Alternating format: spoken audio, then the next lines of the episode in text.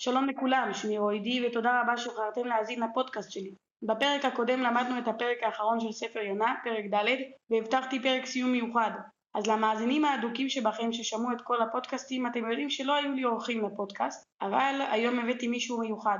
אז שלום רב לאורח היקר שלנו, ראש ישיבת עמית באר שבע, הרב סיון סרור. שלום רועי היקר, שמח uh, להתארח בפודקאסט שלך, והאמת שאני uh, האזנתי לכל הפודקאסטים הקודמים, וממש uh, יישר כוח גדול, עשית עבודה נפלאה ונהדרת, uh, מרתק מאוד, וכל פעם חיכיתי לחדש שיצא ויגיע. תודה רבה.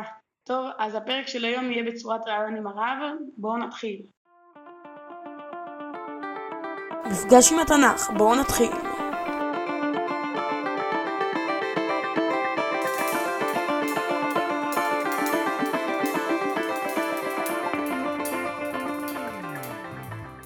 טוב, אז תודה רבה לרב שהסכים להתארח איתנו. אה, תוכל לסכם לנו בכמה משפטים את ספר יונה? בשמחה רבה, רועי היקר. אני חושב שהמסר הגדול ביותר של ספר יונה זה שהקדוש ברוך הוא חפץ בתשובה.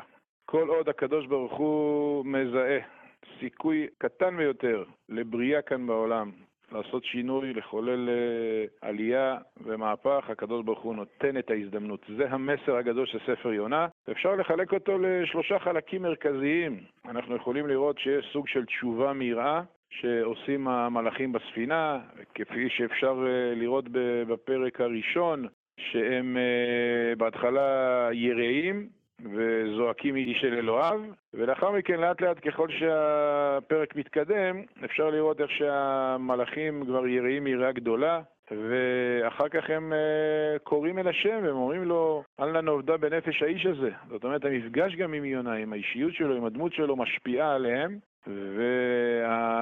והסערה בים גם כן משפיעה עליהם, ולכן הם אה, יראים יראה גדולה את השם. זאת אומרת, יש כאן סוג של תשובה מהירה אה, שהיא תשובה בהחלט אה, טובה מאוד.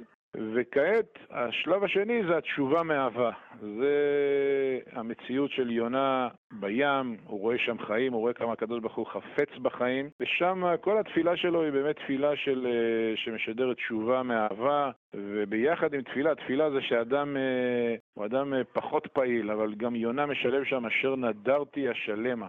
נדר זה שאדם פועל. זאת אומרת, יונה משלב כאן גם התבטלות כלפי הקדוש ברוך הוא ו- והסכמה לקבל את השליחות, וגם הוא רוצה לפעול, הוא נודר. והחלק השלישי זה התשובה של אנשי ננבה, שהיא בהחלט מפריעה ליונה, כי הוא מזהה כאן אה, מבצע של תשובה. מבצע של תשובה שלא יחזיק מעמד, כי הם, אה, אפשר לראות שהמילים צום, שק ואפר חוזרים על עצמם והם קוראים בחוזקה, ומי שקורא בחוזקה זה בדרך כלל לא מחזיק מעמד כל כך הרבה זמן. הם גם עושים פרקטיקה לפני התוכן, לפני המהות, וכתוב שם וישובו לשון עתיד. אה, מן החמאס הם ממש מפרקים את כל הבתים שלהם כדי להחזיר את החמאס, אבל uh, בכל זאת רואים שהקדוש ברוך הוא מלמד את יונה בפרק האחרון, שגם סוג כזה של תשובה, שזה מבצע תשובה, יש לו מקום אצל הקדוש ברוך הוא, ואת זה הוא מלמד אותו על ידי הקיקיון. הרי יש ליונה סוכה, יש לו צל. אז מה מוסיף לו הקיקיון? מוסיף לו עוד קצת צל. רמת ההשפעה קטנה. ולכן הקדוש ברוך הוא אומר לו, יונה, כמו שאתה חסת על הקיקיון שהוא סך הכל הוסיף לך טיפה של, הש... של השפעה, כך אנשי ננבה ביחס שלי אליהם. יש להם איזה תפקיד קטן, יש להם איזה שליחות קטנה, והם מוסיפים לעולם שאני בראתי, שאני יצרתי, ולכן אני חס עליהם ונותן להם את ההזדמנות לחזור בתשובה. יפה.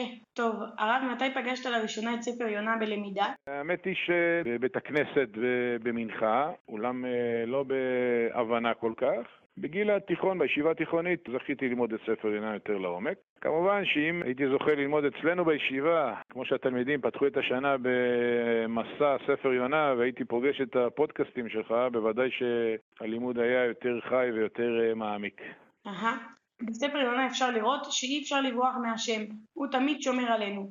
איפה אפשר לראות את זה בחיים, הרב? יפה מאוד, שאלה נפלאה.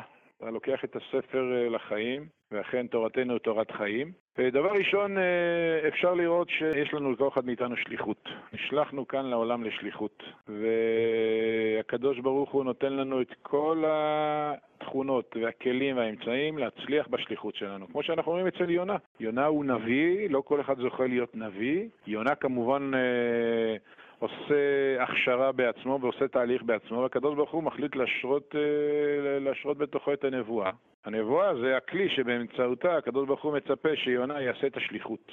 והמסר הגדול ביותר, שגם כשאנחנו מתייאשים מעצמנו, כמו שראינו בתחילת הספר, שיונה יורד אל הקרקעית, ואחר כך נרדם, ואחר כך אה, מושלך לים, זאת אומרת, אה, ממש רואים איזה ייאוש טוטאלי, לאט לאט יש ירידה, לאט לאט יש נפילה, המסר הגדול הוא שהקדוש ברוך הוא מאיתנו הוא לא מתייאש. הקדוש ברוך הוא ייתן לנו את כל היכולות ואת כל האפשרויות כדי שנעמוד בשליחות, כדי שנצליח בה. כי הקדוש ברוך הוא חפץ בחיים. מי שמסתכל בעולם שמסביבנו רואה כל כך הרבה חיים, זה מראה שהקדוש ברוך הוא חפץ בחיים, חפץ בקיום החיים. וכל עוד הוא רואה הזדמנות של כל בריאה כאן למלא את שליחותה, הוא נותן לה את ההזדמנות הזאת. דבר שני, את נושא הבריחה. רואים שיונה כאן בורח, ויונה הוא נביא, הוא לא אדם פשוט.